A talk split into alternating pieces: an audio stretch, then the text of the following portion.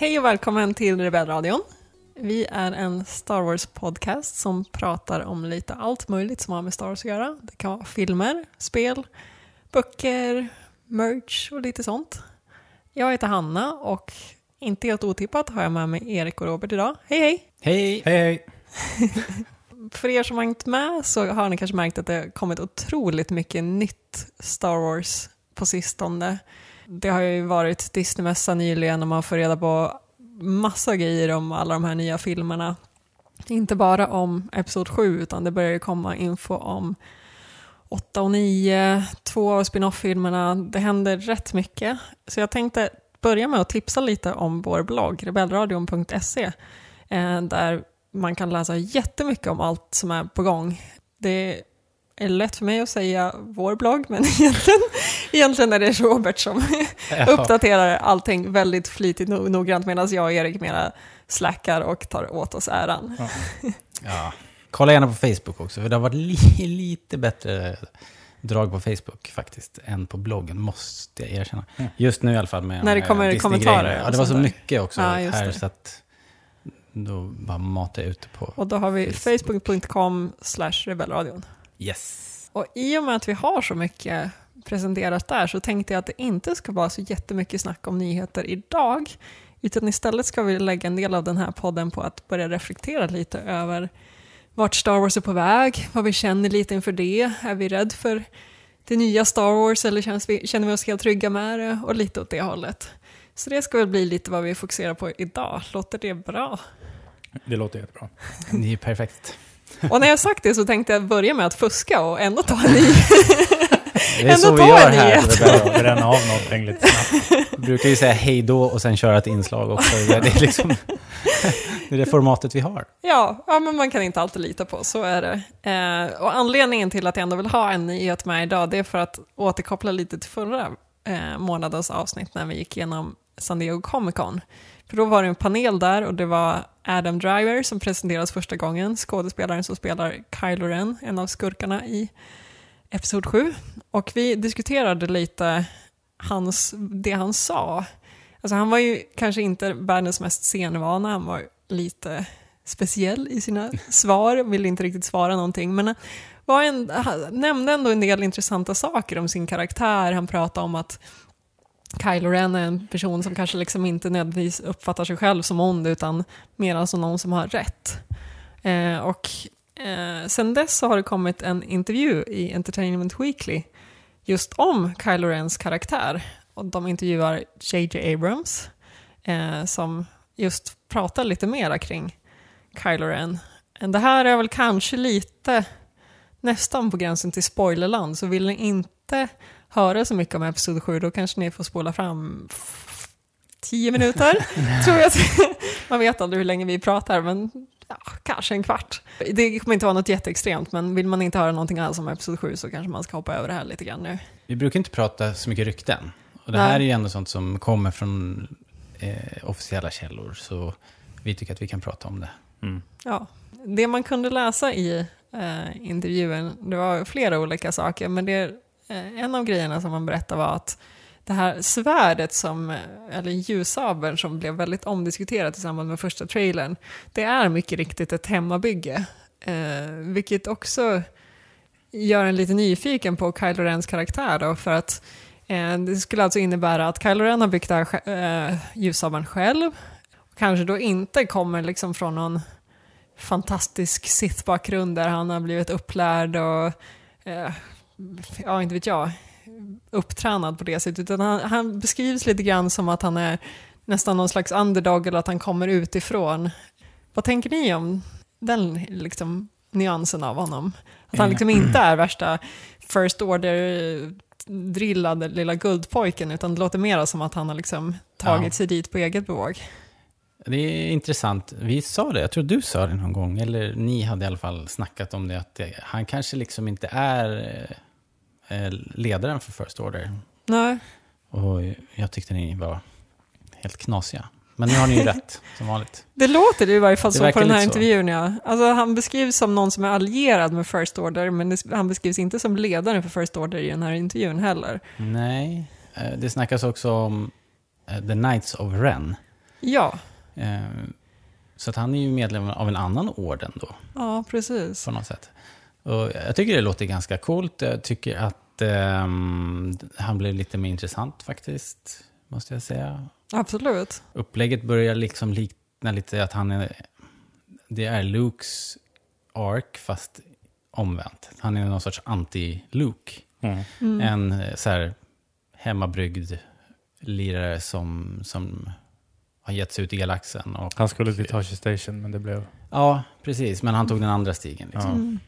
Det är väl inte riktigt bekräftat i intervjun. Alltså det känns som att det var lite journalistens tolkning av det Ja, hela. visst. Liksom. Precis. Men just att han, ja vi får reda på att han bygger sin e sitt eget svärd. Eh, han verkar vara också, det nämns att liksom, han, är, han är medveten om sitt ursprung eller vem Vader är och var, liksom, var Mm. det kommer ifrån. Så att man kan nästan ana någon slags liten så här fanboism-grej, att han, så här, att, Ja. att han har vuxit upp med eh, Vaders, kan man säga, historia. Men alltså såna här, den här sortens eh, skurkar, eller vad man ska kalla det för, de har ju dykt upp lite grann i Star Wars. Ganska långt ut i, i EUn, så att säga. Bland annat i Knights of the Old Republic. Jag tror att det är ettan, men jag kommer inte riktigt ihåg. Då träffar de ju på några som kallar sig för The Disciples of... Revan. Nej. För i tvåan så finns det väl Revan följeslagare tror jag. Ja, men det är, in, det är någon annan. Och då är det någon gammal Sith. Som Mm. de har ju liksom, ja de har typ liksom hittat en, en skrift. Mm. Och sen så börjar de tro på det och så blir de som en egen liten kult. Ja. Mm. Och då är de helt frikopplade ifrån alla andra. De är bara liksom, ja. Och sådana har ju, sådana finns ju lite, lite varstans. Eh, ibland så är de bra, känns de bra och relevanta, ibland så känns de bara som ett verktyg för att få en skurk som inte behöver knytas ihop med någonting annat. Liksom. Ja. Eh, Men jag tycker att det känns kul att, att de gör, alltså så att jag känner att greppet funkar alldeles utmärkt. Mm. Och det är kul att de gör det nu så att det inte måste vara, alltså att, inte, så att han inte måste vara liksom En från, en, från, en, från rätt kennel liksom. Nej, precis.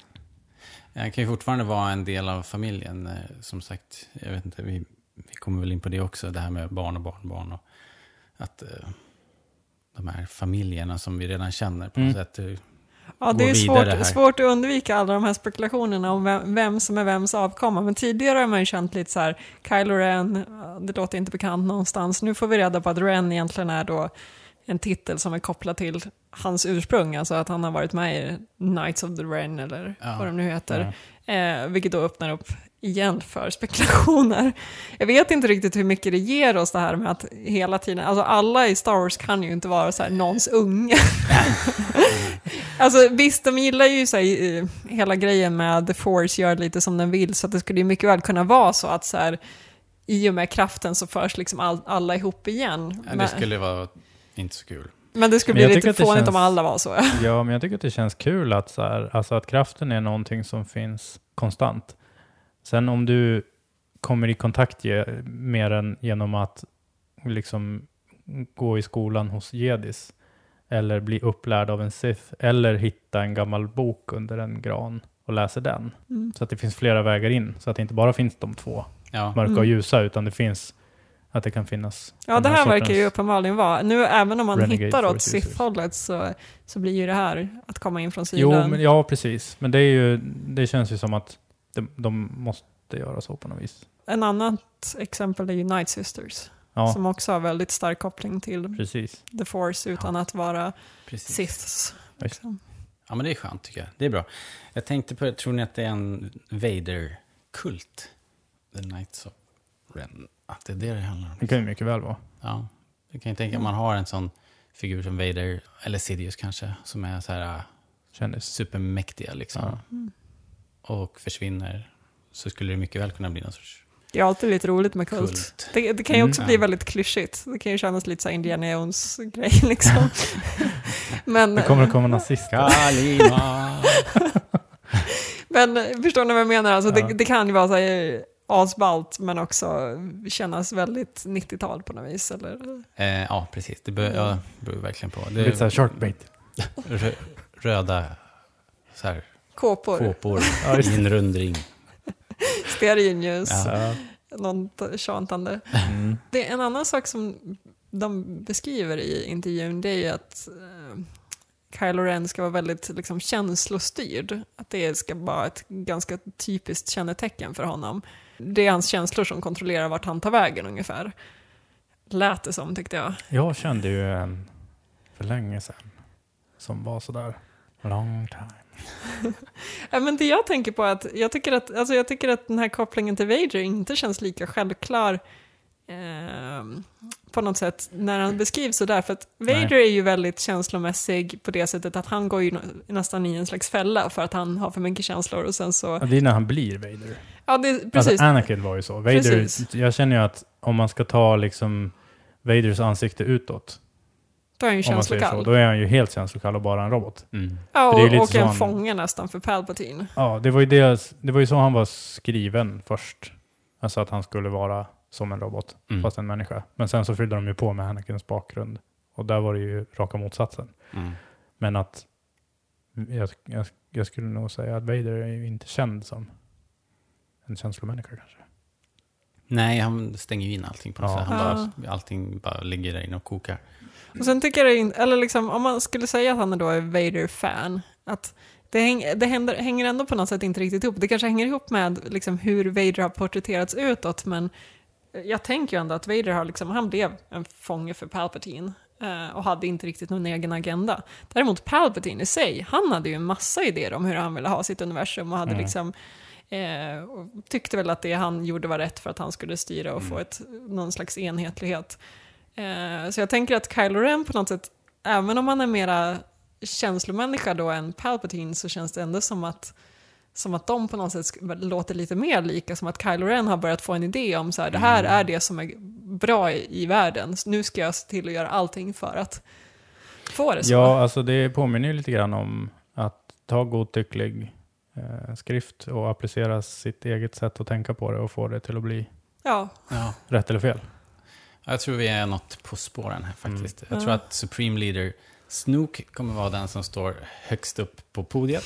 Och så kommer Kylo Ren och... och eh, Jag tror, han, ja, jag kan inte rå för att han heter det. Nej, jag tror att han uttalar Snook fortfarande, inte... Snook. Snook. Ja. Han var cool. Ja. Jo, det, jo men det kan det ju absolut Alltså First Order blir, de styrs fortfarande av britterna liksom. Och sen kommer Kylo Ren och bara är Ja, eh, liksom någon slags, ja, inte vet jag, monster, monsterkille. Mm. ja men han blir liksom Robert Mugabe Ja. när eh, Mm. tar över eh, den här snöplaneten. Ja, ja. Det är lite intressant. Jag tycker, att jag, jag tycker i alla fall att eh, Kylo, Kylo känns mer intressant nu. Ja men så känner jag med. Jag vill veta mer om vem han är. Och, och det känns som att han inte bara blir en till person i svarta kläder. För att på något sätt, alltså Vader är ju å ena sidan en ashäftig skurk. Och man, alltså så här, alla blir fängslade av Vader och det är liksom det man minns första gången man ser Star Wars så reagerar man på Vader. Samtidigt som han, alltså hans skurkighet funkar ju inte riktigt i modern tid riktigt. Alltså nu för tiden tycker jag att eh, generellt sett att skurkarna är mera, vad säger man, intrikata eller djupa på något sätt. Eh, och så, så, så som Vader porträtteras i filmerna, inte liksom om vi tar fluffet runt omkring, men så som Vader porträtteras i filmerna så är han lite för platt för vad liksom Oh ja. 2010-talets publik Ja, ja. kräver. Mm. För framförallt så skulle det ju kännas tjatigt om de, Ja, det om kanske är de mest liksom det. skulle göra Vader 2.0. Men nu är det så, här, jag menar jag älskar ju Vader, men jag vet inte ifall jag hade älskat honom om jag hade sett honom nu och inte när jag var 11 liksom. Ja, det är ju för första gången avgöra naturligtvis. Men han, han är ju... eh, han känns ju som en bra skurk. Det är svårt att... Vi är partiska allihopa liksom. Ja, jo. shit. På något vis. Men, men jag tycker nog ändå, kolla på Vader i, i Empire, han är ju liksom... Han är steget före där hela tiden. Ja. Han drar Ja, åt strum, eller, Ja. strumpskruvarna. Vad heter det? Tumskruvarna. Strumpebanden Strumpebanden, nej, det var inte det jag var ute efter. Han utnyttjar folk och han är steget före hela tiden. Ja, så visst. jag tycker han är, han är bra. Det funkar fortfarande tycker jag. Men, men ja, vi får väl se. Han kanske dyker upp igen ju i... Ja, men alltså det hade blivit Ny skit, film. det hade blivit astjatigt med någon som går omkring och bara blir besviken på sina tafatta hantlangare och går och stryper dem och är lite så här... Ja, men, Nej, det måste ju finnas en agenda, en klar, Nej, men alltså, liksom... ja, men det jag menar är att det hade ju inte funkat med en film med en till Vader. Nej. samma karaktär. Det hade Nej, blivit nej. jättetjatigt. Särskilt inte efter Rebels Inquisitor, för Inquisitor var ju ganska lik Ja, Vader precis. skulle jag säga. Så ta, ta han Kylo Ren ju inte också. alls. Nej, han blev ju på något sätt trist för Ja, att det visst. kändes inte unikt. Nej. Alltså han var ju obehaglig och han var ju jättefarlig när han kom och lite Ja, sådär. Men Men det var ju lite så här, nej. Nu var ju sig, alltså The Inquisitor var ju mer platt än vad Vader är, Ja. känner jag. Men det var ju ändå på något sätt Jo, mera ett Vader-stuk på honom än till exempel Sidious-stuk. Mm. Ehm, så det vore kul att se Kylo Ren med lite mera idéer och ideal och Alltså lite jag sånt. hade ju gärna sett, eh, jag hade ju gärna sett att Kylo Ren var för Star Wars vad Heath Ledgers Joker var för Batman. Mm. Vill du utveckla? Nej, men alltså han, han känns ju som den absolut bästa skurken. Mm, Om vi tittar ut, bortser från Star Wars nu. Mm. för Star Wars är alltid störst, bäst och vackrast. Eh, men på det sättet som han var skriven och framförallt tror jag skådespelad i eh, Dark Knight, heter den? Ja. Det var inte Begins utan det var Det är Dark, Dark Knight. Knight, ja. Ja. Där. Eh, och att han liksom inte hade på det sättet som eh, Joker i den filmen neutraliserade Batman. Mm. Och inte Batman, och det, och det, det är något klipp då han säger så här, eh, någonting i stil med att du, du, har, eh, du har all den här oändliga styrkan, du kan inte göra någonting. Mm. För att du, Batman kan inte skada Jokern på något sätt som Jokern tar skada av. Nej. Och att han inte riktigt gick att förklara och att han var liksom väldigt sådär, vi vet inte vad vi ska ta oss till med honom. Nej. Jag ser ju gärna en sån skurk i Star Wars. Jag tror att Kylo Ren kommer vara lite mer förenklad än Jokern i Ja. Dark Knight. Men Ja. jag förstår, jag, Men alltså, om han är så här labil och, Ja, och det liksom, vore ju häftigt. Ja, Ja. för att så här, alltså det vore ju explosiv, skittråkigt liksom. med en som bara så här, ja men en som ska jaga rebeller genom att ställa upp hela flottan och börja skjuta. Det blir lite så här, ja, men det är fortfarande en, Mm. liksom, vad ska man säga, Disney-familjeproduktion. Alltså jag tror ändå att de inte vågar gå riktigt så djärvt jag menar ju inte att han ska karaktär. spränga sjukhus. men liksom, han kan ju ha, jag, jag, jag hoppas i alla fall på en, jag, och jag tycker, alltså så här, det som vi har fått reda på nu, jag har inte så här analyserat honom jättemycket, men på det sättet som han rör sig i den första trailern, Mm, när man fixerar det där svärdet första gången, mm. Att han går lite... Ja, det är, alltså Han går ju det som, argt. Ja, men det som, det som vi har fått reda på nu tycker jag passar med det klippet väldigt bra. Mm. Eh, så att allting känns liksom väldigt ja, men farligt på det sättet som att man inte vet hur man ska hantera det. För så här, en fiende som är snäll och ställer upp sig enligt klassisk andra världskrigs invasionsmaner så som skurkarna i Star Wars vanligtvis brukar göra. Mm. Det vet vi ungefär hur man ska bete sig med. Mm. Man tar alla rebeller och sen så ber man Han Solo åka runt. Och sen är det Mm. lugnt. De ser ju, rebellerna ser ju ganska organiserade ut. Mm. Så det skulle ju kännas lite tråkigt om så här, ja, First Order, då ska de vara ännu, ännu större än vad det förra imperiet var. Och rebellerna är ännu bättre, fast fortfarande lite... Mm. Men tän- tänker du alltså att det är... eh, Alltså på 70-80-talet så var det kalla kriget och öst och väst och den typen av dynamik i världen som, gjorde, som bestämde vad som var läskigt eller vad som var skurkar och så i filmer. Nu har vi mera eh, Terrorism. terrorism och den typen av hot. Folk är rädda, mer rädda för att eh, någon ska rusa in på en tidningsredaktion med en AK4. Liksom. Det är den typen av hot som är Ja, liksom, läskigt nu. tyvärr så är det ju så. Eh, Det är inte, man är inte så rädd för Jag hoppas ju inte... atomubåtar längre. Nej, Ja. precis. Jag hoppas ju inte att han blir en terrorist så. På det. Nej, det känns inte som det skulle funka. Men det kanske Men- blir lite mer sneak attack-känsla på honom. Något dolt Liksom. hot. på Ja, men det jag kan, Som kan hoppas... dyka upp var som helst. Ja, alltså det jag hoppas det är att han har en, en, en, eh, en agenda som man inte kan sätta fingret på och därför inte vet hur man ska Mm. bekämpa honom.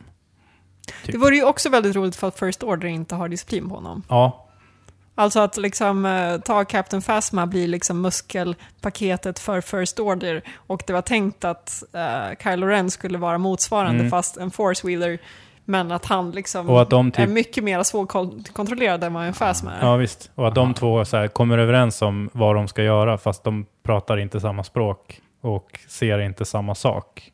Att de två tror att de är överens, Mm. men den ena har en agenda och den andra har en helt annan agenda. Jag känner att jag blir mera pepp på honom. Mm. Eh, och även om vi får reda på liksom mera om vem man är inför filmen så känns det ändå som att eh, det inte var farlig kunskap.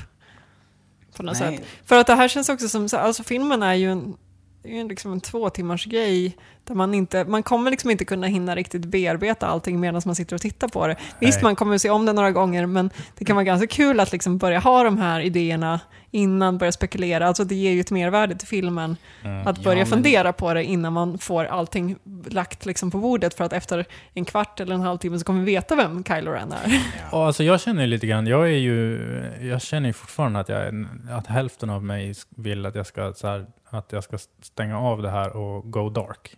Ja. Liksom. Eh, fram tills filmen är sedd. Så att när, när Kylo Ren kommer på scen, eller kommer i bild, första gången, så vill jag känna, vad är det här? Inte, nu ska vi se hur han är utifrån vad jag vet honom, om honom hittills. Mm. Vi kommer inte lyckas med det.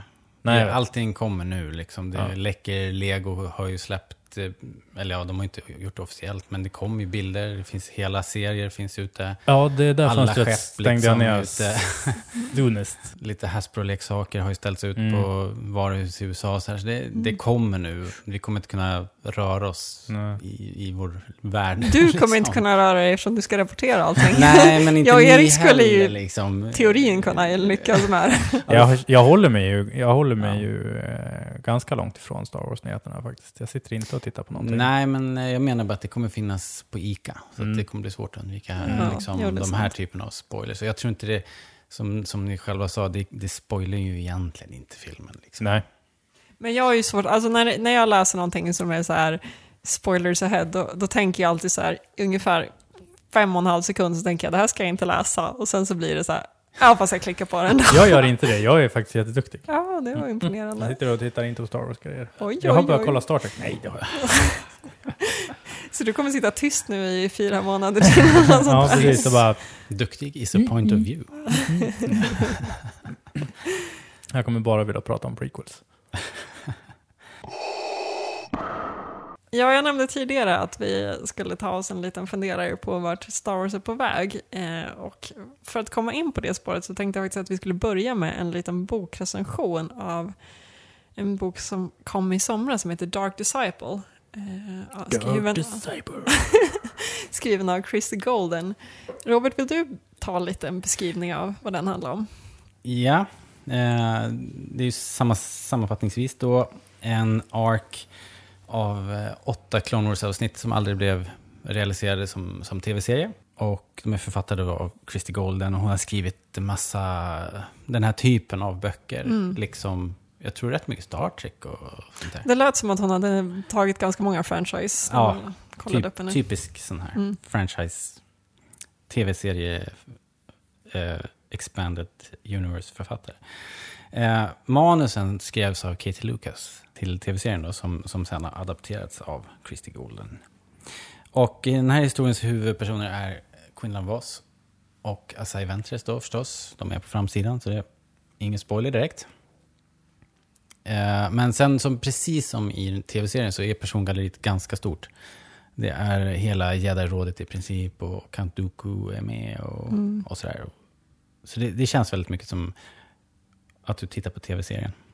Ja, man kan ju säga, alltså Clone Wars är ju känd för att hoppa lite i tiden, men den här är ju på något sätt kronologiskt efter Clone Wars. Alltså för er som har sett Clone Wars vet lite att eh, har liksom tagit del av Night Sisters och deras öde, Ja, men jag har fått sett lite Mother Taslin, hennes historia och liksom det avslutet och här är då vad händer med Sarge Ventress Ja, efter det. hela, hela Clone Wars. Så det är inte någonstans mitt i utan nej, det kan väl ha varit eh, kanske säsong 6 eller 7 det här. Ja, jag precis. kommer inte ihåg vad de har sagt. Det handlar väl i alla fall då om eh, Voss och Ventress. De blir, hamnar i en situation där de måste samarbeta. Och eh, de är ju båda två rätt udda figurer liksom. Lite, lite svårt att passa in i sina, eh, ja, öv, överlag i, i, där de befinner sig. Och sen eh, upptäcker de att de har kanske ganska mycket gemensamt. mm. Vart efter boken. Plotten är ju, det är ju inte riktigt någon direkt spoiler för det står nog på baksidan, men alltså anledningen till att de här då ska samarbeta är för att eh, eh, lundmörda Count Dooku. Just det. Eh, bara det är ju en ganska djärv sak i sig i, och med att lundmord inte riktigt är the jedi way. The Jedi Way, nej. Och det utforskar de ju såklart. Boken handlar ju rätt mycket om eh, om det är rätt eller fel och vad det, vad det gör med Jedi-orden. Liksom. Om man tar till sådana här medel och sådär. Mm. Men som sagt, vi tänker inte, tänker inte spoila den boken. Nej. Utan vi tänkte, vi drar den här introduktionen och så kanske bara lite grann vad vi tyckte. Jag kanske kan säga i varje fall att jag tyckte om den här. Ja, Alltså den är ju, det är ju rätt högt tempo, den är ju skriven, eh, ja men det blir ju lite som, som ett Clone Wars-avsnitt, det är ju fokus på handling mer än kanske så mycket annat, men det är ganska behagligt att läsa den boken. Den, den är, det är snabb och det är fart, det är lite, språkmässigt känns det ju lite som en sån här eh, young adult bok, men det gör ju Star Wars-böcker kanske generellt sett skulle jag säga. Jag tycker inte den här stack ut på det sättet. Vet, förstår du vad jag menar? Ja, nej, det vet jag inte riktigt. Mer bara Läser du någonting annat än Star handlingsfokuserad. Wars-böcker? Nej, det är ju väldigt sällan. så det kan vara så att eh, Det jag menar är att den, jag, den känner, är ju jag, hand, känner, handlingsfokuserad. jag känner ju liksom. precis som Ja. du. Ja. Att så här, man, då, det är inte alls skrivet på ett specifikt sätt. Och sen så, så här, jaha, okej. Det finns en annan ton där ute. Men jag tyckte att den, eh, som jag sa, det känns ju väldigt mycket som att titta på tv-serien. Mm. Det har samma tempo och det är, det är uppbyggt såklart, precis som Mm. tv-serieavsnitt. Mm. Så jag kunde tycka ibland att det upprepade sig själv. Eh, jag antar att när man gör de här tv-serierna så ska man ha in ett visst moment med action hela tiden i varje 22 minuters Just avsnitt. Och ibland tyckte jag kanske att ah, kommer, det, kommer det ännu en fight här? Liksom? Ja. Varför kan man inte... Hmm. Jag tänkte inte på det då, men jag förstår precis vad du menar. Eh, och det kan ju mycket väl vara just att det var så det var skrivet som, Ja. som seriemanus och sen så var det liksom svårt att koppla bort det. Alltså, de hade, Chrissy Ja, Golden hade de kunnat göra hur hon vill. När de liksom gick ganska snabbt förbi andra saker, intressanta Mm. saker som träningsavsnitt och sånt där, där man kanske kunde ha fördjupat sig i eh, liksom, ja, träningen och tankar och alla Mm. de här moraliska dil- dilemmana som de brottas med och ditt och Mm. datt. Eh, det, det är liksom vispar man ju förbi relativt snabbt då för att liksom komma till en ny boss på något sätt. Mm. Har din, eh, din inre kulturtant inte fått sitt, sin dos av Precis. svårmodig liten Men det var kanske, det är kanske det jag menar just med den här young adult-känslan. Mm. Att det är ju Mm, liksom okej. inte långa eh, beskrivningar. Alltså det, men de moraliska frågorna dyker upp då och då, men det är liksom in- inga långa beskrivningar om deras känsloliv. Det är ju liksom inga vad ska man säga, landskapsbeskrivningar eller några sådana saker, utan det är liksom, ja, det, det är mycket action och det händer saker hela tiden. Just landskapsbeskrivning och sådär, det hade, den hade ju inte tagit... Det hade inte skadat liksom. Nej. Om man hade utvecklat miljöerna lite mer. Nu funkar det ju för att det var liksom platser som man har varit på i Clone Wars. Kände, Ja. Jag kände att jag kom undan där, så jag behövde liksom inte fantisera så mycket för att jag har sett de där ställena. ja. Liksom. ja, man ser ju allt det här framför sig som en, Ja. en film såklart. Vi som har sett serien tusen gånger. Jag vet inte riktigt hur den skulle kännas om man inte hade sett Nej, Clone Wars exakt, innan, för då hade aldrig- man nog haft svårare att fatta vad det var som hände på vissa ställen. precis. Då tror jag också att man tycker att den lider av att den är så repetitiv i liksom det här... Ja, det är så här korta spurtar mellan Ja. actionsekvenserna. Men på det hela taget var den ganska bra i alla fall, det tycker jag. Ja. Den håller ju en rätt hög nivå och definitivt en av de bättre i, av allt det här nya kanon som har kommit, tycker jag. Mm. Jag har ju inte läst så mycket, men jag, jag var faktiskt eh, positivt överraskad. Jag, det var lite svårt för mig i början att handskas med eh, hennes beskri- alltså Christy Goldens beskrivning av Ventress, för att den var inte helt i fas med hur jag själv upplever Ventress. Så det var lite, det var lite mismatch i början, men sen på något sätt så, så liksom lyckades författaren övertyga mig om att så ja, men det här kan visst vara Ventress. Hon måste ha ett sånt här liksom, känsloliv någonstans där Ja, under, precis. liksom. Och att, så här, och att Ventress ändå utvecklats och så här, jag har bara sett Ventress ur ett Clone Wars-perspektiv där hon beskrivs i väldigt korta segment och också ofta nästan bara utifrån vad hon gör actionmässigt. Liksom. Så att se den här andra delen av henne, ja, men liksom efter ett tag köpte jag det också. Mm.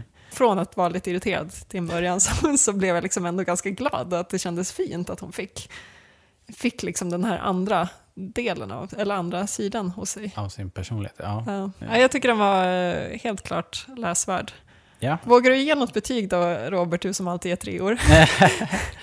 ja eh, Hur många ljussablar med lätt kurvad handtag får den? Den får eh, fem. Av? Fem. Oj! Robert. Ja. Bara för att den är Den bäst. bästa boken hittills. Ja, den bästa Ja. boken hittills. Då måste man väl ge fem. Eh, Helt klart. Ja. Absolut. Ja, jag ger den åtminstone, alltså jag hade inte tänkt ge den en femma, men en fyra får den för mig. Ingen trea. Definitivt ingen trea. Det är, alltså jag kan förstå din femma också, för att jag tyckte att den verkligen eh, gav mycket. Jag känner att jag måste bedöma den liksom i eh, det här sammanhanget. Jämföra den med de andra Expanded Universe-novellerna. Med Clone eller vad Wars vi i ska kalla ryggsäcken, typ. Ja. Så det är nog rättvist. Det här skulle ju, hade det här varit riktiga avsnitt i Clone Wars, då hade det varit en av de bättre arkerna skulle jag säga. Alltså topp fem arcs, Ja, absolut. tror jag. Det tror jag. Och det säger ju ganska mycket om liksom, storyns innehåll. Mm. För det finns ändå rätt bra. Man bra förstår att de Clone ville ha ut den här historien på något Ja, sätt. absolut. Mm. Helt klart. Eh, men det som, jag, det, som jag, det som slog mig när jag läste den här, det är ju hela grejen med Quinlan Voss. För att, jag vet inte, jag, jag tror Robert, du har inte läst så mycket om Quinlan Voss innan va? Du, han har varit en ganska okänd karaktär för mig. Han har varit hyfsat okänd för mig också, men jag har ändå läst lite grann om honom. Och min liksom bild av Quinlan Voss är just att, att liksom han har en ganska stark koppling till Dooku, han har en ganska stark, stark koppling till liksom vad som är rätt ur ett moraliskt perspektiv och så. Och det kändes som att de, när de gjorde den här historien så var det ju så direkt så ignorerade de ju allt som hade med Queen of Us att göra. Mm. Alltså jag jämförde ganska kort efter att jag hade läst ut den här så gick jag in på Queen of Us Wikipedia-sida och där stod det i stort sett högst upp så här, den här har inte blivit uppdaterad, den kanske inte stämmer längre. Och så läser man allting och jag skulle säga att i stort sett så är liksom hela, hela Quinlan Voss historia förstörs. Att han För- var undercover och på fel sida av... Precis, alltså. Quinlan Voss grej var ju att så här, han, han levde i kanske flera år med Udoku skulle vara liksom någon slags Är det- undercover. Jag glömde det. Jag hade ju lovat att jag skulle läsa serierna. Är det Empire eller Eh, Jag tror Rebellion? att det är Republic. dem. Republic. Republic är det, Ja, ja. för det här Ja, det är är... klart. Det är Han, han... han är... Han är alltså... Han är som de här FBI-agenterna som gick undercover hos motorcykelgängen och bara slutade vara FBI-agenter och blev motorcykelknuttar istället. Ja, Eh, för att då är det att Jedi Council blir lite så här oroliga för eh, vilken sida han står på egentligen. mm. Då försöker de ta kontakt, jag kommer inte ihåg allting exakt, men det är att de försöker ta kontakt med honom och kolla vart han, vart han står någonstans. ligger, Och liksom. eh, det, de får ju inte höra det de vill höra direkt. nej. nej. Utan att det blir så här, och vad vet vi nu? Bara, Ja, det- och det, alltså, i det måste stort, sjuka- läsa den här serien. ja, det, Ja. är- det, är häftigt. Det, det finns ju böcker också i, i samma liksom, storylinje, vad man ska säga. Så att, så att han har ju en ganska gedigen historia. Han är ju också mästare till uh, Ayla Secura och lite Precis. sådär. Så, att, så att det går ihop på det sättet. Så att han, alltså han har ju ändå beskrivits ganska mycket och han har haft, liksom, det här har varit hans kännetecknat, att han är då den här Duke undercovern och att det inte alltid går så bra för honom. Så den här arken, där tar de liksom i stort sett bort det här och det här märkte man ju redan i Alltså han dyker ju upp i Clone Wars och samarbetar med Obi-Wan på ett ställe. Mm. Och där anar man också att det här har nog aldrig hänt, Nej, precis. som är i För där är, han, där är han ju värsta spjuvern. Han är liksom en skön Alltså, lirare, ja. Och i, eh, i eh, serietidningen så är han ju liksom... Han känns nästan som att han är från ett annat universum för att han inte känns... Mm. Han, jag bara, vad, vad är det här? Jättekonstig karaktär liksom. Så- Eh, han är ju som sagt Ayla Securos. Eh, eller har varit Ayla Securos master. Och eh, de interagerar någon gång i den här serietidningen och då är mina kompasser för vad som är rätt och fel klonerna. Ja. Då har ju Ayla Secura har ju sin eh, Clone Commander Bly Ja. som är hennes, eh, hennes eh, bundis. Han tycker ju inte mycket om Quinlan Boss alls överhuvudtaget. Så där är, de har ju en riktigt skön sån här eh, grudge. För jag tycker, det jag kände när jag läste böckerna, det var- eller boken, det var att ehm, de använder sig av på något sätt personligheten som är i Clone Wars-serien, att han är då en spjuver liksom. Mm. Men samtidigt så, de har raserat allt det gamla, eh, men de bygger upp en ny historia som går i exakt samma känsla Mm. som hans ursprungshistoria, fast då mycket kortare och därmed liksom Inte lika tung. Nej. Jag, jag har inte läst det gamla, men det, det känner jag ju, det, det förstår jag ändå, att de har ju lättat upp det här. Alltså där känns, han ju som, där känns han ju som en missbrukare typ. Ja, i serietidningarna pratar Ja, vi nu om, ja. hans gamla, hans gamla ark. Ja, precis. Som Men- att han har infiltrerat ett, ett missbrukargäng och är liksom Ja, top addict. Ja, Så, så att det, alltså jag tyckte ändå det var, det var kul att se att det kändes som att liksom, de var medvetna om att så här, okej nu förstör vi det gamla, Mm, men ni får lite av det ändå. mm. mm. Men, Men ju samtidigt så kändes det ganska jobbigt nu, för nu har jag, liksom, nu har jag två Just det. ja. i min hjärna, och jag gillar båda väldigt mycket. Men jag känner att jag har lite svårt att veta hur jag ska förhålla mig till det här. Mm. Och det här är ju någonting som kommer komma nu, för nu har, nu har de liksom sagt att det gamla, det är struket. Och nu kanske jag har fel, men jag tänker att det gamla var ändå så här, där visste man lite också att historierna matchade inte alltid varandra. Ja. Eh, jag för mig att det var bara på något sätt lite officiellt, att Jo. ibland kunde de skrivas över på något ja, sätt. ja, och det fanns ju en hel ett träd med olika nivåer av kanon och, och sådär. Så det, det är liksom...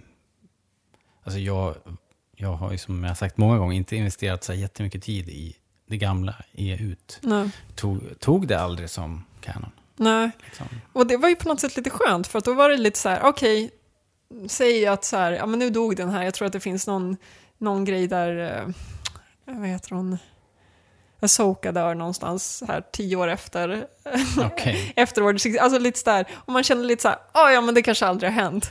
eh, nu har de liksom strukit det gamla, så man måste dels förhålla sig till att liksom, det gamla har faktiskt inte funnits, för vi, vet, Ja. vi kan inte lita på att det gamla funnits. Det, det har funnits fram tills, motbevis, eller fram tills det har motbevisats ungefär. Men Ja, på det är ju något, också någon som har sagt vad från officiellt håll, att så länge liksom inte det skrivs över så kan ni väl ta det som att det Ja, hänt. och det Ja, är ju precis. ganska svårt liksom, Det i är- sig. Men sen också att vi har det är ett väldigt nytt... komplicerat i det här fallet med Ja.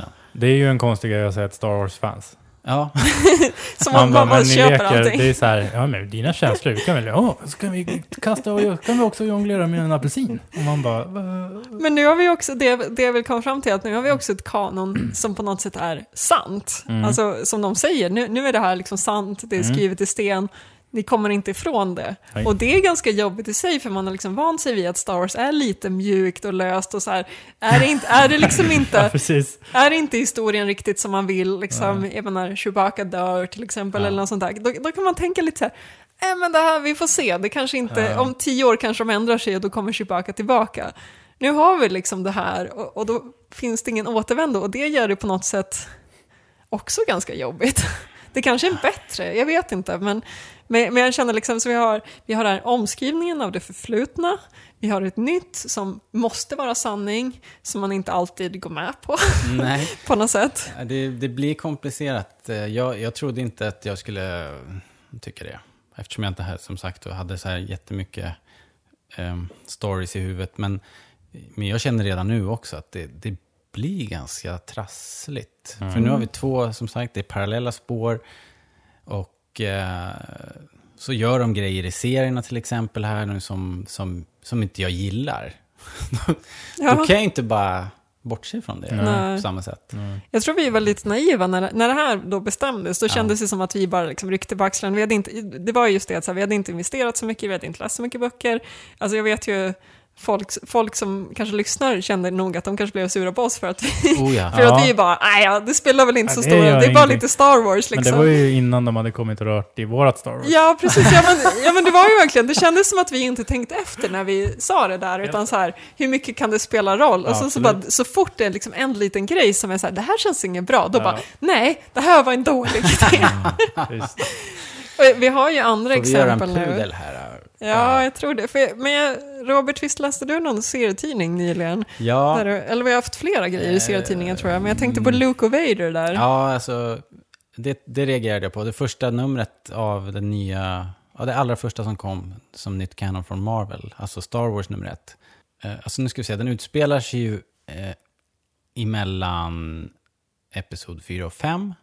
I kronologin då så är ju allihopa är igång, alltså Hans Solo är ju med i matchen fortfarande. Mm. Sådär. Så att eh, Luke eh, och eh, Vader, de har ju aldrig mötts så vitt eh, i, i, liksom i film Nej. canon. Ja, I filmkanon så möts de ju i Men Empire. serietidningen slutar med att Luke står öga mot öga med Darth Vader. Ja. Och eh, det hade varit ganska bra upp till precis sista sidan. Liksom. Och då tänkte jag bara, åh nej. Så här kan ni inte göra, ni kan inte börja så här. Liksom. För då känner jag att då, de, de är inne och pillar liksom så himla nära i filmtrådarna. Eh, liksom. Mm. Så att det blir svårt att hantera. Liksom. För då känner du att, alltså då blir Det det ju på något sätt att de skriver om Empire. Ja, precis. För att, precis. de, för att Empire så känns det ju som att det här är första gången de möts och nu Ja. ska allting hända liksom. Visst. Varför har de en strid någonstans i, en, i ett serietidningsuniversum där Vader inte till exempel nämner att han är Mm. Lukes pappa? Jag förstår eh, serieskaparna och det, det hänger säkert ihop. Jag menar, de har ju folk som jobbar heltid med det här och ser till att det ska stämma och så. Men för mig då som, ja, som ändå konsumerar väldigt mycket Star Wars så är det... Det börjar bli så här, man, man kan inte låta bli att tänka liksom att, men vänta nu här. Om det här händer, hur blir det då här borta i filmen sen? Borde, om de säger så här nu, borde de inte ha reagerat så där borta?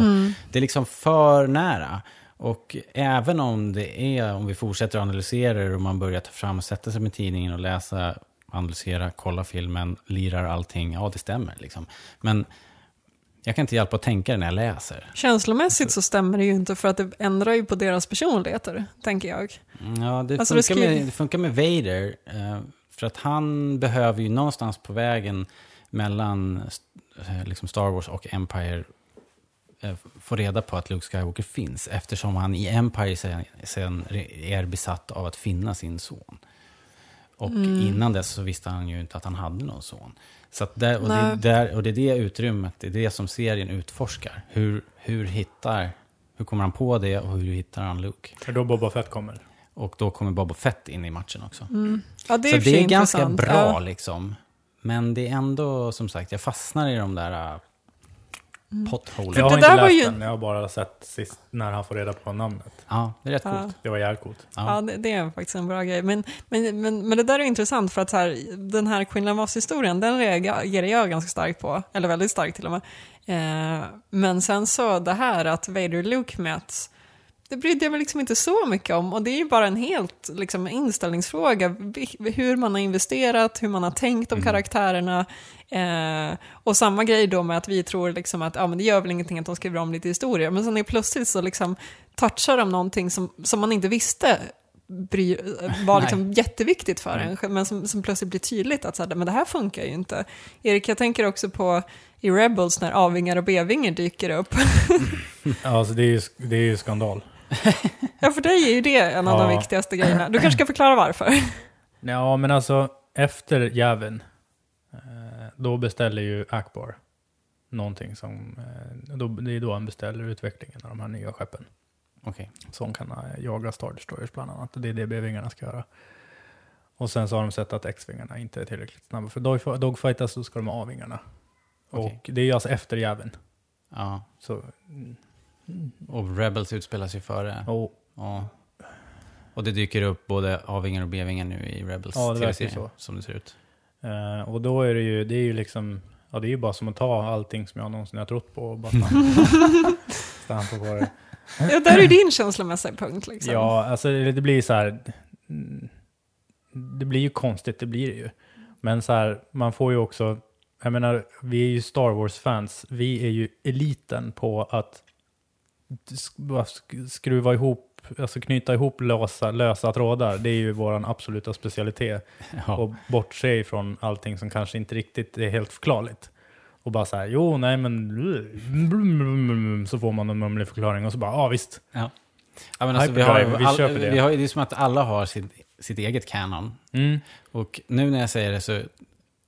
det, det var nog precis det jag sa, fast precis omvänt. När det här hände, när de nollställde allting, så var det så här, ja men alla gör ju ändå som de vill och man tänker som man vill. Men nu är det precis som att man har skjutit sig själv i foten. För att det här personliga kanonet, det är det som räknas. Och det är där de här känslor...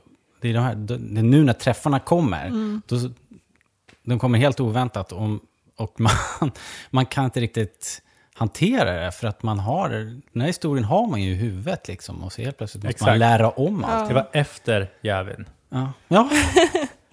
Men alltså för att precis så som du känner med de här, så här, ja men vi sitter och pratar om relationerna. Det är ju så, ja precis så jag känner med alla de här grejerna. Och så här, men den där fanns ju inte då. Nej. Det är ju som att, det, det går, det, hade, det är fusk. Ja. Rebellradion gör en pudel här. Det här är ju Ja. oerhört. Vi, Ja, men jag tror att det var bra förlåt, att vi- vi säger förlåt och tar tillbaks. Jag, jag tror Ja. att det var bra att vi ändå tar upp det, för att det, liksom, det känns som att vi var lite för blasé och det- som Men att alltså, vi inte det var han- riktiga fans nästan när Nja. vi sa det där. Men nu känns det som att så här, Alltså nu det kommer det tillbaka. ju, i stort sett så handlar det ju om ens eget Star Wars. Och det man måste inse är att Star Wars betyder ju helt olika saker för helt olika människor. Eh, och det kan finnas delar av Star Wars som man inte har någon aning om, som är det absolut största och viktigaste någonsin. Typ som när eh, eh, actionfigurer från de här eh, MMO-spelen Mm. kommer. Så är det ju många i actionfigurkretsarna som bara "Ih, varför har de den när de kan ha basist nummer tre från kantinan? Det finns ju fortfarande Cantina Aliens ja, att- precis. att göra. Exakt. Och Varför då är det ju, får jag... Men då finns det ju liksom en hel grupp med Star Wars-fans som äntligen får sin actionfigur. Liksom. ja, ja. Eh, och det är ju så här med alla de här grejerna. De som, de som faktiskt hörde av sig till oss i början när vi satt och pratade om hur lite det här var, det är ju de som hade en, en bild av Star Wars som inte var eh, filmerna till exempel. Ja. Utan som kanske var lite mera obskyra böcker. Och för dem så är ju det deras, Ja. hela deras Star Wars. Ja, en, en väldigt tung del såklart. Och, Ja. och eh, jag menar, vi sa ju det också, vi förstår att det, att det gör ont. Ja, men vad, vad men vi jag, visste vad inte jag, att det skulle göra så här ont. Nej, men det är, för, det är förvirringen liksom som gör det. Det är inte kanske Ja. att jag sitter och sörjer mitt gamla kanon, men det blir, jag blir lite störd Ja. när jag läser. Jag Fast- tappar tråden hela tiden och undrar hur det hänger ihop egentligen. Alltså vi, du måste ju träna på ditt Star Wars. Du måste ju, du måste ju träna dina Star Wars konditionsmuskler. Jag känner ju att när jag får se A-vingar och B-vingar nu i Rebels, då är det så här, då är det ju skitjobbigt. Men sen så bara, ja, ja men det kanske är prototyper på ett skepp som de har på gång. Och när Akbar beställer de här skeppen, då säger de, ja men vi har, vi har dem. Vi bygger på den här Alltså vi, har, vi, konceptet. har liksom, vi har redan hållit på och provat de här. Men samtidigt känner jag att jag, jag vill liksom inte få en massa nytt Star Wars där jag i varenda liksom mening eller handling ska liksom sitta och behöva bearbeta det i huvudet. Liksom. Hur funkar det här? Alltså att, att jag önskar nästan att jag bara kunde renskriva allt det gamla för att kunna få ett nytt. För att annars känns det som att liksom, jag sitter och jämför och att det, liksom, det förstör lite grann av, av min njutning av det nya. Man skulle behöva åka till Anchorhead Ja, och få minnet raderat. ja men det vore ju någonting. För jag känner ju också att jag sörjer lite grann. För att liksom, ja, men nu, nu har de tagit bort något gammalt. De har tvingat in mig i en ny historia som jag inte har riktigt kontroll över själv. Det, det är li, lite smärtsamt. Och jag tänker men det- också... Du måste titta, titta mycket noggrannare på den här nya historien nu. Ja, Det är det jag menar med att träna upp den här Star Wars fandom-muskeln. Man måste liksom helt enkelt släppa taget. För ska man sitta och, och liksom haka upp sig på såna här grejer. Eh, det är väldigt lätt för mig att sitta och säga det här nu, men jag är ju faktiskt en av de drabbade också. så att jag talar ju av erfarenhet. Eh, man kan liksom inte, de måste göra så här mer eller mindre. Eller i alla fall så väljer de att göra så här. Vi har, hur som helst har inte vi någon kontroll över det. Så det sker. Ja. Sen våran, våran roll i var det sker någonstans, den, den får vi försöka styra så mycket vi kan. Eh, och det blir, det blir konstigt, men vi får försöka att titta på det nya som vi har fått. Ja. Och eh, det går lite åt båda hållen också, för det, ibland kommer det saker som jag verkligen gillar. Mm. Så att det är liksom, ja. det, Jo, det, Precis, det har sina fördelar. Ja, men alltså allting, det är lite allting, med, allting med Star Wars, eh, grund, grundregeln med att vara ett Star Wars-fan, det är att man får ta det onda med det goda. Mm, ja. Och så har det alltid varit. Verkligen. Oavsett om det handlar om en historia som blir omskriven eh, på ganska drastiskt sätt, så att det drabbar hela ens fundament för ens fandom. Eller om det är någon ologisk lucka Mm. eh, i, maskiner till exempel. Eh, som jag är specialist på. Att förklara så här, ja, men hur funkar, funkar den där? Och man bara, ja nej men... mm." Och så får det vara bra så. Eller, eller andra sorters plot holes. Ja. Eh, Det låter ju som att du har ett bra, alltså det låter som en sund inställning och ett ganska bra knep, så ska man bara lyckas implementera. Ja, man får, försöka, man får inte vara så kritisk. Nej, det får vara så. Nej men det är helt enkelt så. Jag är lite nyfiken för att alltså, jag upplever att Star Wars-fans är en ganska kritisk grupp, men å andra sidan är en ganska stor del av, alltså de mest inbitna fansen, de har ju jättebra koll på massa olika grejer, men jag skulle ändå säga att en väldigt stor del av de som säger att de gillar Star Wars har nästan bara sett filmerna. Mm. Och jag tänker att den gruppen är minst utsatt för det här, för att det känns som att filmerna kommer vara det som har en tydligast tråd och Ja. där de inte då skriver, alltså de får ju inte skriva över för det är ju kanon redan som det är, Ja. så att risken för att någonting ska bli väldigt konstigt Jo. är rätt liten. Jag tror att de, för, för dem, om de hör det här nu, de kommer kanske fortfarande känna så här, "Ah, ja men det är väl inte en så stor grej. Men jag har, en, jag har en punkt där jag tror att även de här kommer få lida, och det tror jag är eh, den nya Han Solo-filmen.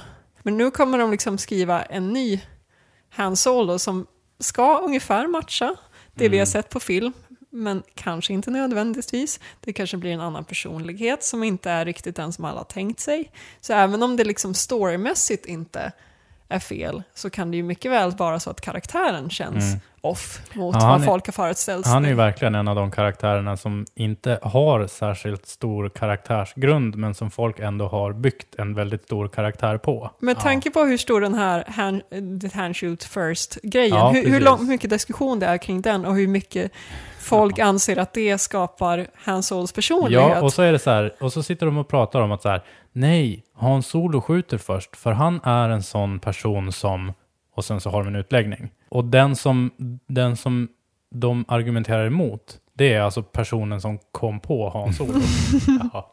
Så det är liksom, det är bara så här löst tagna förutsättningar för hur den här karaktären ska vara. Ja, jag är lite orolig för den här filmen. Precis av den här anledningen. Därför att det här är en krutdurk utan dess like. Om Alltså, man, det är en precis sak. exakt av den här Inte, anledningen. rör inte min Hans Solo. Nej, men inte, jag, jag tror inte att jag kommer vara den som... Jag vet redan nu att jag kommer antagligen inte eh, klicka med den nya Hans Solo. Han kommer antagligen ha... Nu när jag ser vilka som ska skriva filmen, eller ska regissera filmen, så, så jag, jag kommer antagligen Vi kanske ska inte nämna vara... vilka det är också. Eh, Ja, de heter Miller och... Det är alltså de som har regisserat eh, Lego-filmen och eh, 21 Jump Street. De, se. Ja, om du kollar upp där. Det, är- ja, precis. De har gjort Lego, 21 Jump Street, Chris Miller och Phil Lord heter de. just det. Och eh, vad heter den? Cloudy with a, cha- with a chance of meatballs, tror jag. Ja. Det regnar köttbullar. Så det är alltså komedier de har gjort. Komedier.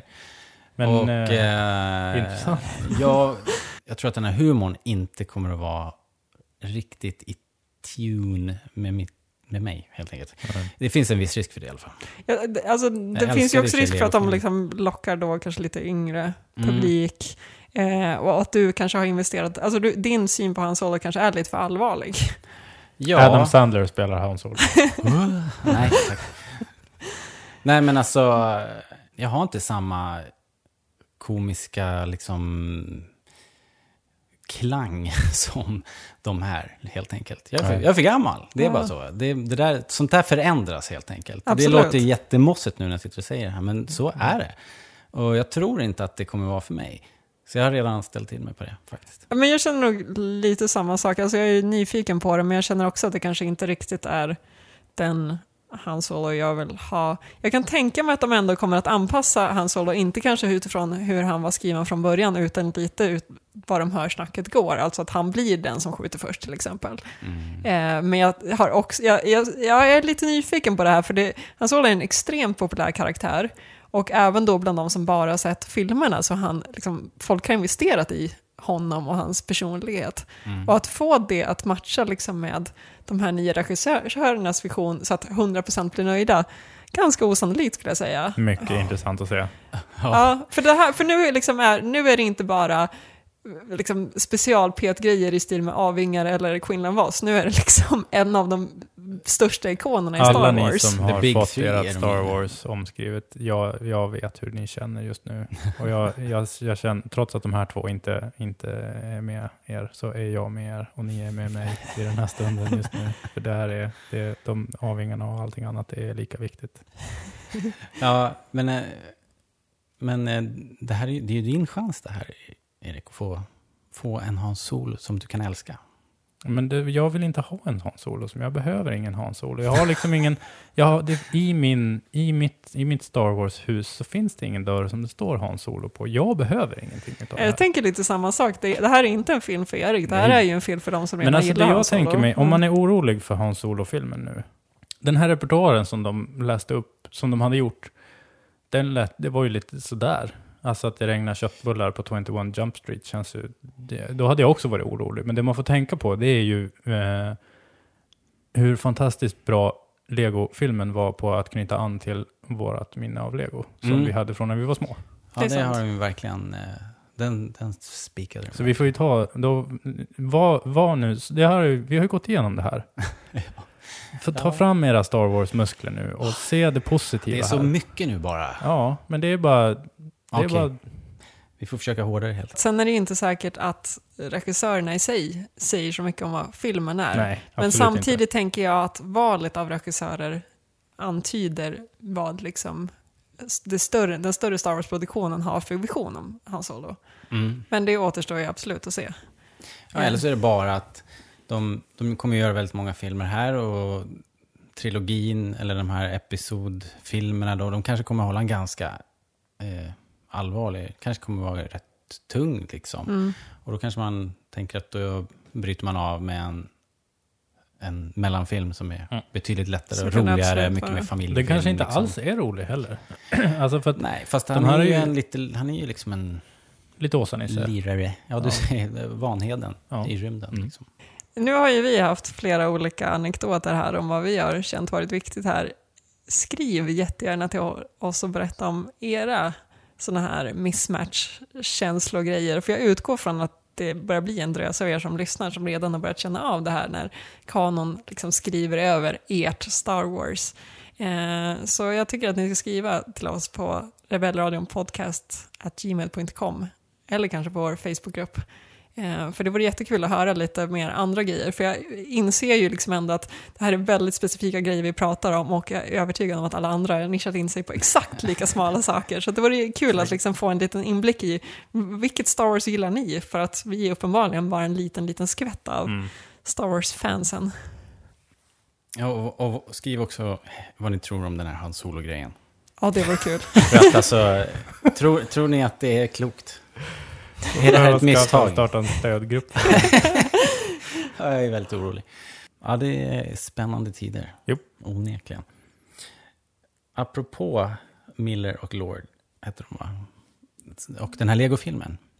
Så ehm, pratade jag idag med en kille som eh, fotograferar Star Wars Lego. Ni har säkert sett de här bilderna. Det är eh, supercoola, det är ofta mi- minifigurer, men det kan vara rymdskepp eller andra leksaker också. Han, lite actionfigurer och så här. Så är det väldigt eh, coola fotografier. Mycket eh, lek med rök och partiklar i luften och såna här saker. Så det snöstormar rätt mycket och, och eh, mycket Hoth-scenerier. Det är en finsk kille som heter Vesa Lehtimäki. Som, eh, han går under eh, namnet The Avanaut på, på nätet. Och eh, det ska komma en bok, han ska släppa en bok nu i höst. Så då eh, vart jag lite nyfiken, så jag tog och ringde upp honom. Och frågade lite vad, hur det kommer sig att han fotograferar leksaker.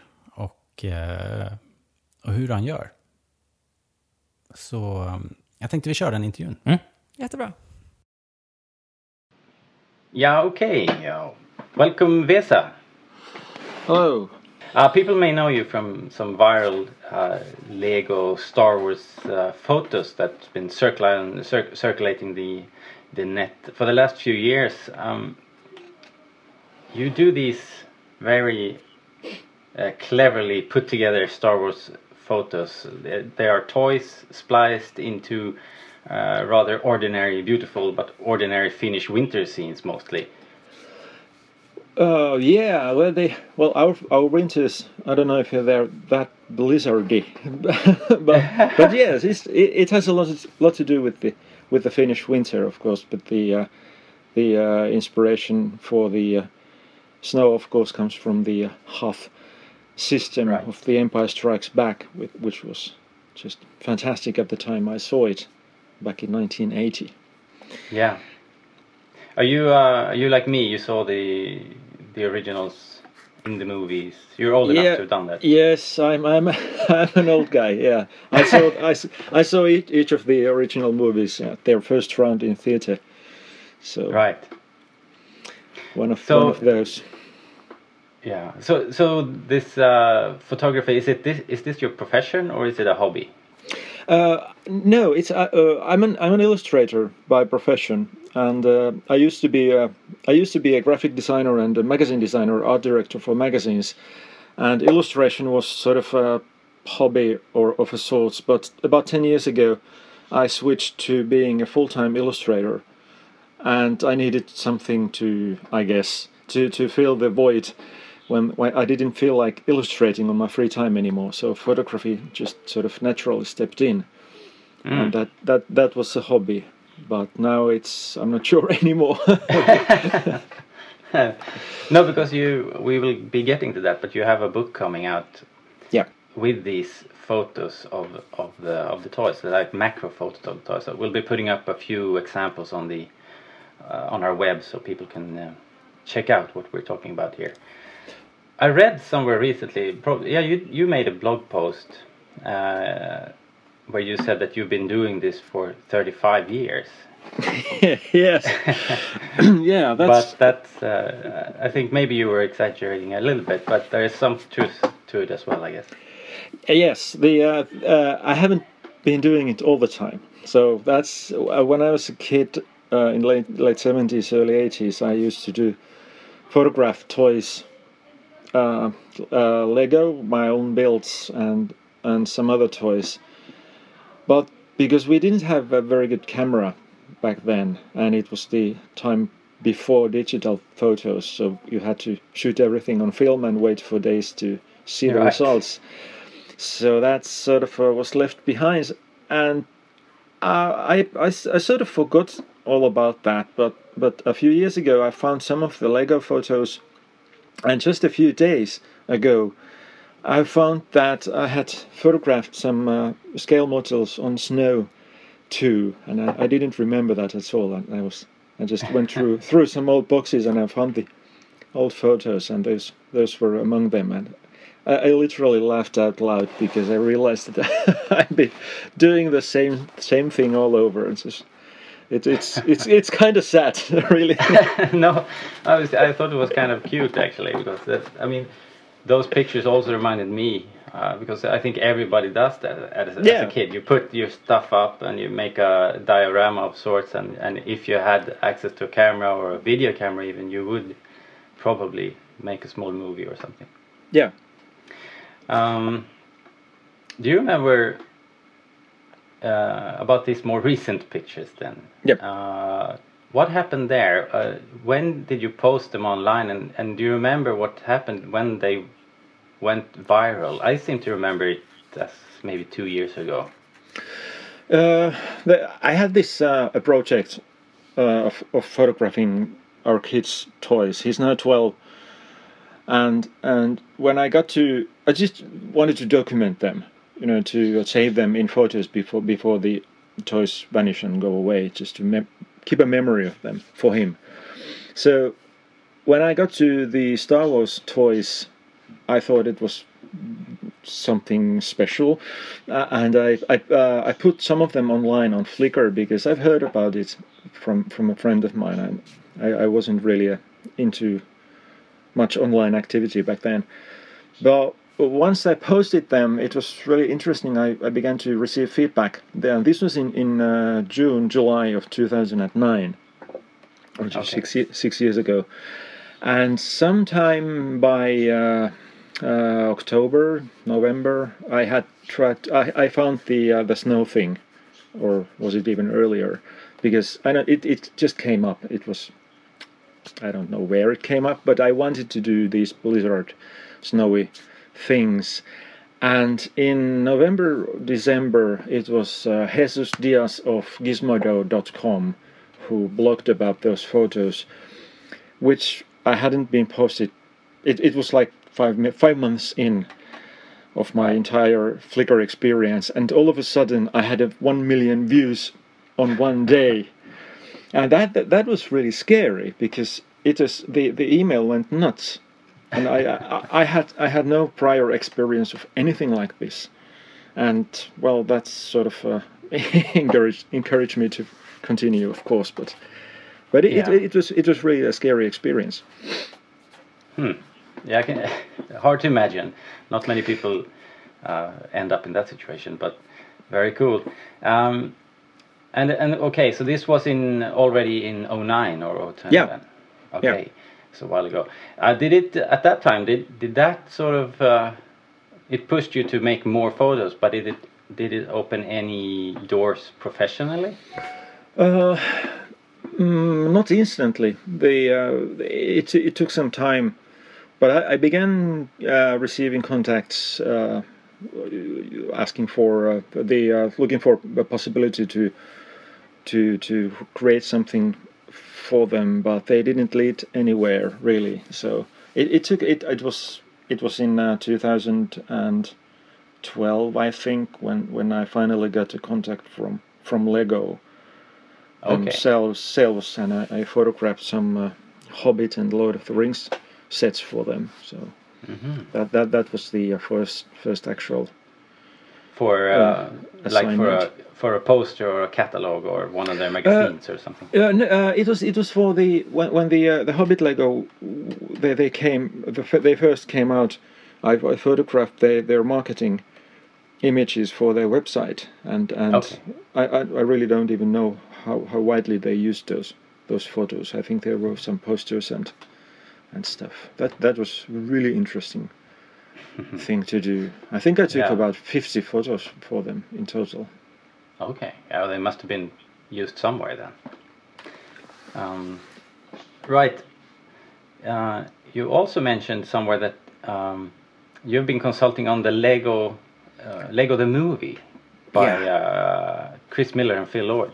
Yeah, yeah. That that was uh, that was in. Uh, they they were still in in uh, this uh, pre-planning stage of the movie. They were just starting to uh, to uh, uh, determine the the the visual look of the film, and and they were looking around to to find some inspiration or or clues how to approach it. And they they they they knew my images from from earlier projects as it turned out and and and we we uh, they, they contacted me and we, we discussed about the uh, why I had taken my photos the way I had at that time Right. I had had been experiencing with with uh, adding some smoke in the in the photos to sort of uh, densify the atmosphere around the figures it, it's an old uh, old movie trick but I, I had never seen that used with Lego before and they were really intrigued as to why and how I had done that.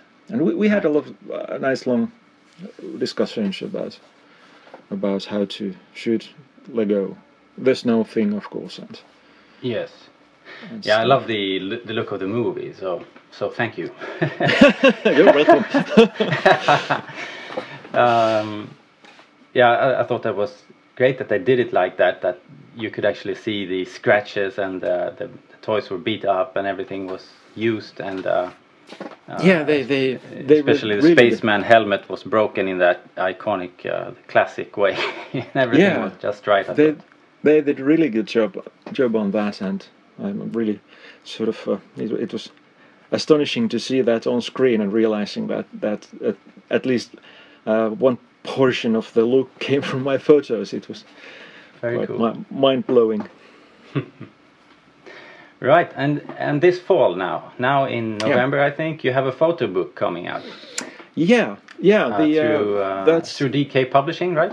yeah. DK Publishing. They uh, it, it's a very very long story how that came to be, but- it but it we've been working on that for for about a year, Mhm. and and it's finally finally coming to re- coming out in November, and the it's it's about these uh, old old uh, the the old movies, the original trilogy Star Wars movies. and Aha, so there is a narrative to the to the book. It's just it's it's not just a photo book of your uh, Mm, amazing pictures. It's uh, it's a story in there as well. Uh, no, it's um, i no, no, it's it doesn't really have a story, but it's it's limited to the the original trilogy. It's it's it's divided in three sections. So Okay, okay. But when you take your pictures uh, for the book or or otherwise, do you do you put a story to them? Do you like make make up a story? Uh, for example, you, on the cover on the book, there is a snow trooper uh, going downhill and making like very, some uh, some ski stunts there. Uh, Yeah. Is there a story to that, or is it just oh this looks fun, or is it is there more to it? Uh, the, the the images they, they, they each have stories because I think that I sort of saw that whole thing as as um, sort of uh, these uh, one image small scenes uh, which I could direct as a, as a sort of a fragment of a movie, and I wrote some stories to them to you know boost the image to background. I give them some background, and that's Okay.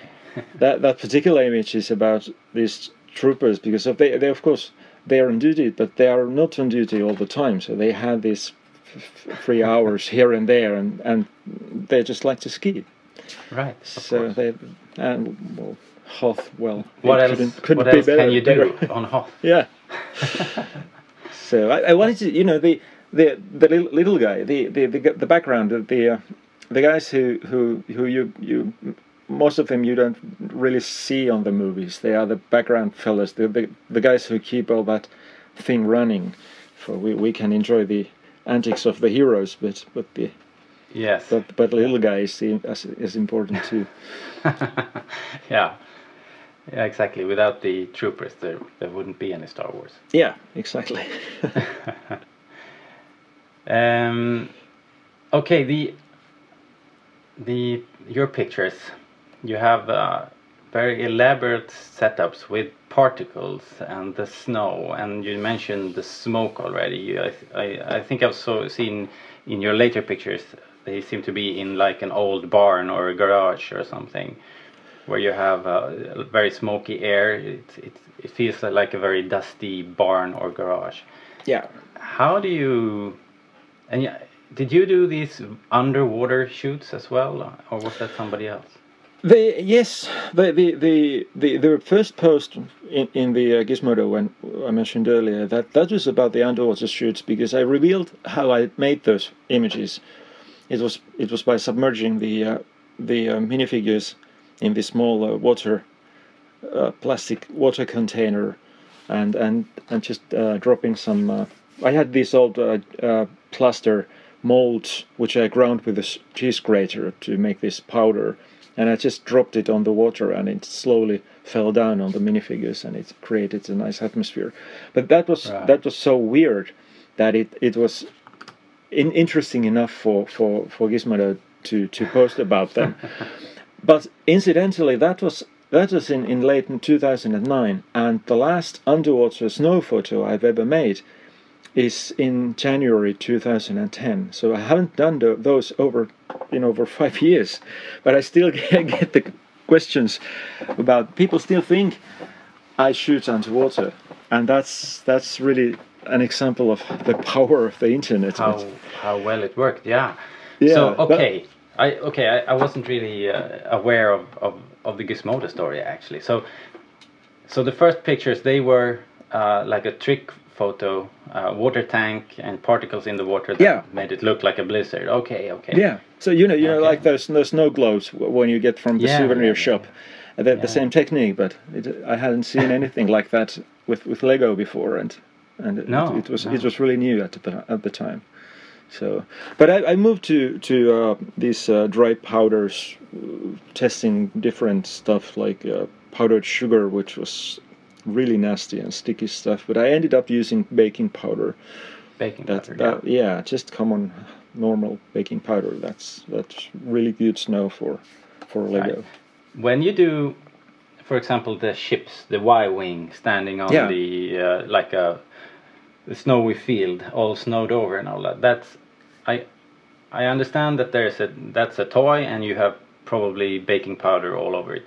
Yeah. But do you then Photoshop it in, or is it like a tilt shift trick here or something? What's going Uh, on there? the, the the scale model photo, photos they are they are sort of a, a cheat. They they are as if they were forced perspective images, like uh, having a foreground miniature against a backdrop. Yes. But because of their originally, I, I used these really small one to seventy second scale models, and the the uh, depth of field in my camera I just didn't. The, it just couldn't deal with that, so I had to cheat a little and and use a Right. technique called focus stacking. S- shoot uh, a sharp background image and a sharp foreground image, and just uh, blend the two. So that's Right. that's how it's But how you- that's done. Do you blend it in in the computer? Like, do you Photoshop them Yeah. in layers, or do you like make a physical print of the background, put your toy in No. front of it? No. No, okay. it, no, it, it's a Photoshop job, just Right, right. digital blending. So Okay. it's easy. Anyway, easy they to- turn out very hmm. cool. Very, very cool. Yeah, they they surprisingly so. So that I, I really I really like them myself. But now I've been experiencing with a sli- slightly bigger model. I have this one to twenty fourth scale X-wing, and and that's just an incredible big piece. It's a, Right. With all the details and everything. yeah, yeah. It's it's an exact replica of the of the ones they used in in in mid seventies shooting the special effects for for the movies. It's the Oh, same okay, thing. so it's not. Uh, what is it? A um, is this something you could buy, or where did you get this thing? Uh, well, uh, the uh, during the adventures, the incident with the photographs, I, I ended up on, on a site called the RPF, which is Right. uh, Replica Prop Forum, and they are Yeah. these people who have reverse engineered the original models from photographs. They have uh, sort of uh, discovered all the uh, individual pieces of models, old, old tank models that uh, the uh, Industrial Light and Magic guys used back then to, to build up the originals. And they there are some replicas available from time to time. They are really Okay. rare resin replicas, and I managed to get an X-wing uh, Wow. a while What, ago. a, what so. what's that? What's that company called? I think I saw them It's- at the. Um, it- It's it's not a company; they are individual people. But okay, so they do so- it for fun, in the sort of. it- it's called a garage kit because they, they do it in their gar- garages. So really handmade. I have an I have a Y wing also, and that that's uh, one of forty four ever made. yeah, So I saw one at the um, Star Wars Celebration this summer. It was crazy. Yeah, that's the that's the EFX. Uh, Yeah, yeah, exactly. Yeah, it's Yeah. it's it's ma- the uh, the master of that model is made by the same guy I bought mine from. So Wow. mine is sort of a predecessor of that one. Wow. So that's that it's, looks- a, it- it's a very small circle. Oh. well, you're the lucky ones, I guess. um, okay. So, when exactly is uh, Small Scenes from a Big Galaxy, as your book is called now? Yeah. When is it coming out and how can we get it? Uh, it's it's it comes out on uh, uh, October the tenth, if I remember right, and uh, it's on pre-sale on Amazon.com right, right now. So, okay, very cool. So you, you can find it find find it there. And uh, will you be promoting it in any way? Will you be showing up here for the Comic Con or something in Stockholm? Uh, uh, so far, nobody has uh, invited me yet, but but but I'll be I'll be uh, uh, the uh, there will be some signing in in New York and uh, in Portland and uh, in London, at least Mhm. so so far.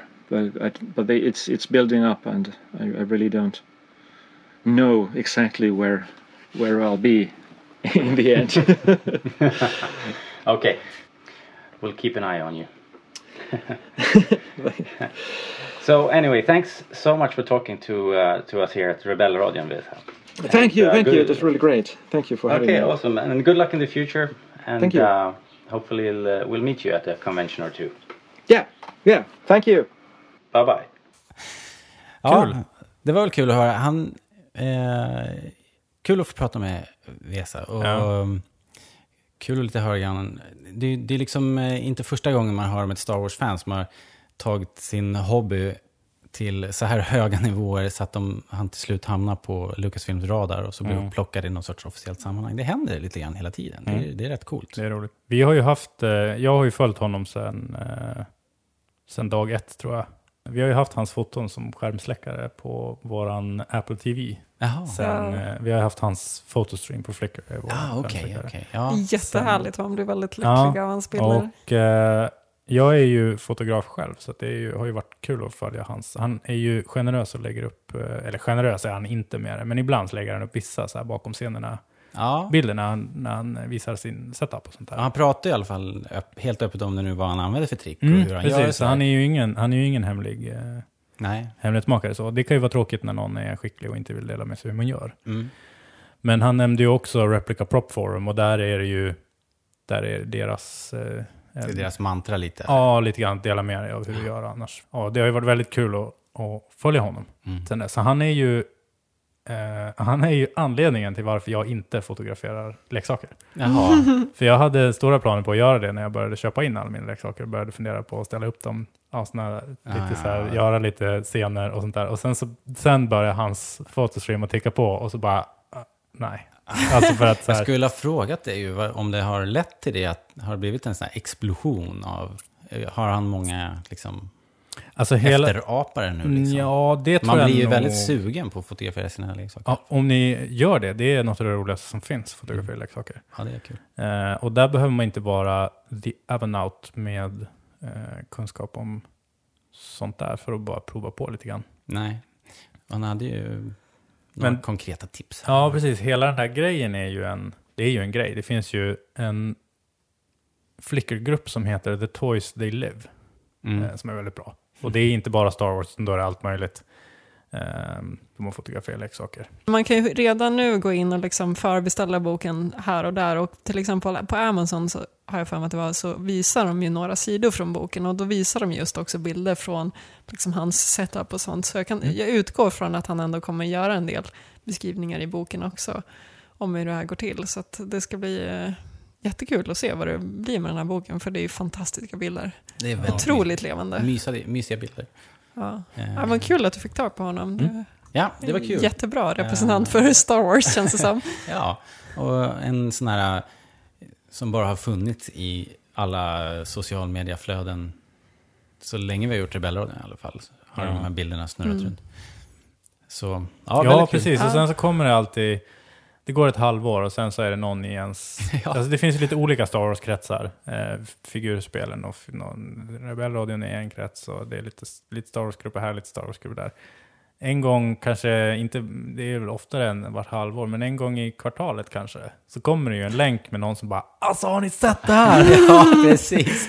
och jag tror att det, det är få saker som, som är så mycket så som med hans bilder.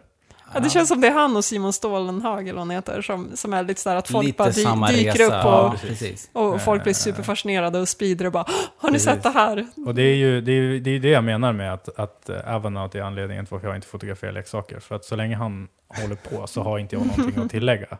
Utan han är, en- han är en person som verkligen uttrycker allting med sina, sina foton. Eh, Mm. För han är verkligen han är den skickligaste som jag någonsin har sett. Vad det gäller att fotografera Jag blir väldigt sugen. Jag, har ju, jag, har ju, jag sa, pratade med honom lite off-air också om... Jag äger eh, en väldig massa Lego Space från Mm. 80-talet. Det här gråblå. Mhm. Allt det där har jag. Spaceship. Eh, så när som på någon liten eh, bit som, som man liksom... Ja, ska man ha tag på en sån nu, köpa en begagnat på Ebay, då måste man så här, sälja ett internt organ, Mm. liksom, för det, de är dyra.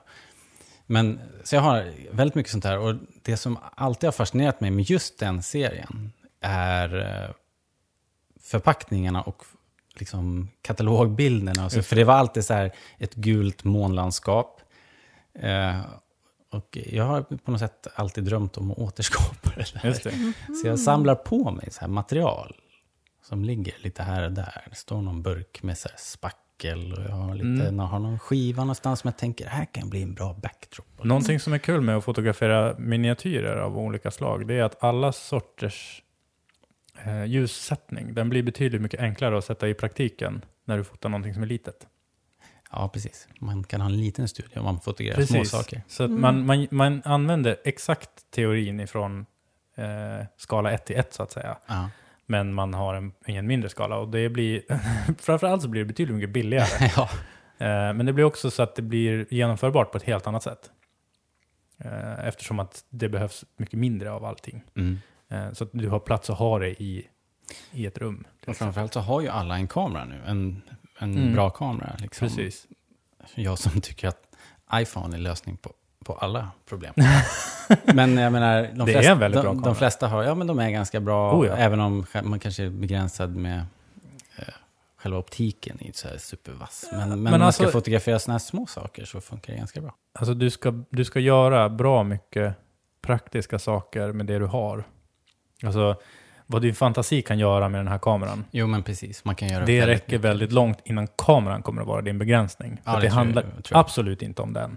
Utan den är, Så- så den är faktiskt, liksom. faktiskt väldigt, väldigt bra. Eh, vad det gäller just, just de där grejerna. Och sen är det ju ett, ja med en iPhone så finns det vissa saker som du inte kan göra. Men det finns Det är, nästan hur mycket som helst som du kan göra. ja, och mjukvaran i de här kamerorna är ju är ruggigt bra Mm. alltså. Precis, så att, att komma igång, det är bara att fokusera absolut inte på kameran. Utan kör på den tills, tills du kommer till en punkt då det bara så här, då du har någonting som du verkligen vill göra. Du har gjort allting annat som du någonsin kan komma på. Och sen så, så har du en sak som du vill göra, men det går bara inte på grund av din kamera. Sen när Gizmodo plockar upp din bild och du får en miljon träffar på, på en Ja, timme, då, då måste du kanske steppa upp ditt game. Men tills dess. Då kan vi Ja, snacka. Ja. men liksom eh, en, eh, två glödlampor, några A4-papper och lite tejp. Mm. Yes. Och sen de grejerna som du har i köket. Då kan, du göra, då kan du göra en fin fotobok. Jag ska göra en. Men jättekul att du fick den här Mm. intervjun. Ja, Eh, jag tänkte annars att vi skulle runda av för idag. Japp. Eh, vi har ju nämnt tidigare att ni får jättegärna höra av er. rebellradionpodcast.gmail.com. Mm. Gå in på vår Facebook-sida. Det finns ju lite här och där. Rebellradion.se förstås. Twitter. Mm. At Rebellradion. Japp. Och iTunes. Och Så att, en Pinterest-sida. Yes, och där finns det nu också förstås en Avanaut eh, liten katalog. Mm. Om ni vill kolla på lite bilder. Ja. men tack för snacket. Tack själv. Tack, tack. Ha det bra tills nästa gång. Hej då.